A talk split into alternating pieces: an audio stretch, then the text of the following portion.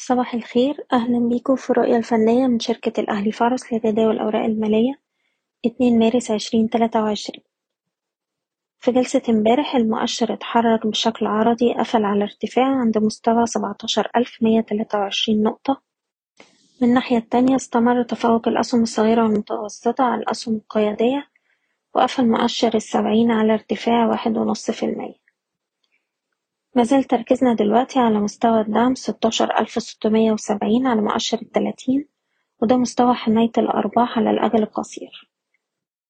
وطول ما إحنا محافظين على المستوى ده هتظل إمكانية إن إحنا نشوف استمرار لمحاولات الارتداد قائمة. ويبقى عندنا أول مستوى مقاومة عند السبعتاشر ألف وربعمية. نجاح المؤشر في تجاوز المستوى ده يفتح لنا الطريق لإعادة التجربة على سبعتاشر ألف سبعمية خمسة وستين وده مستوى المقاومة الرئيسي.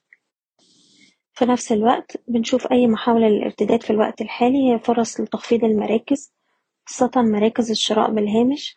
ونقدر نرفع مستوى حماية الأرباح لأقل مستوى اتسجل الأسبوع اللي فات حسب كل سهم على حدة بالنسبة للأسهم نبدأ بسهم القلعة. امبارح كان في ارتفاع بأحجام تداول عالية. السهم امبارح وصل لمستوى المقاومة اتنين تلاتين ومازال عنده فرصة يجرب على مستوى المقاومة التالي عند الاتنين جنيه خمسة وأربعين. أقرب دعم عند اتنين جنيه اتنين وعشرين ويلي مستوى الاتنين جنيه خمستاشر قرش. بالم هيلز بيختبر مستوى مقاومته الاتنين اتناشر. لو قدر يخترق المستوى ده الأعلى يبقى فيه إمكانية إن إحنا نجرب مرة تانية على الاتنين وربع والاتنين تلاتين ونقدر نرفع حماية الأرباح لمستوى الاتنين جنيه.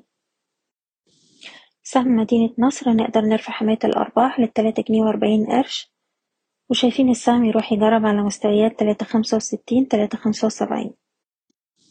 بالنسبة لسهم إيتيليس السهم النهاردة قدر يخترق مستوى مقاومته الأربعة جنيه وهو في طريقه دلوقتي لاستهداف مستويات أربعة عشرين أربعة تلاتين ونقدر نرفع حماية الأرباح لمستوى تلاتة جنيه وتسعين قرش. الشمس الإسكان نقدر نحتفظ فوق مستوى السبعة جنيه وشايفين السهم يروح يجرب مرة تانية على مستويات المقاومة عند سبعة ستين. وهو اختراقها يستهدف تمانية جنيه.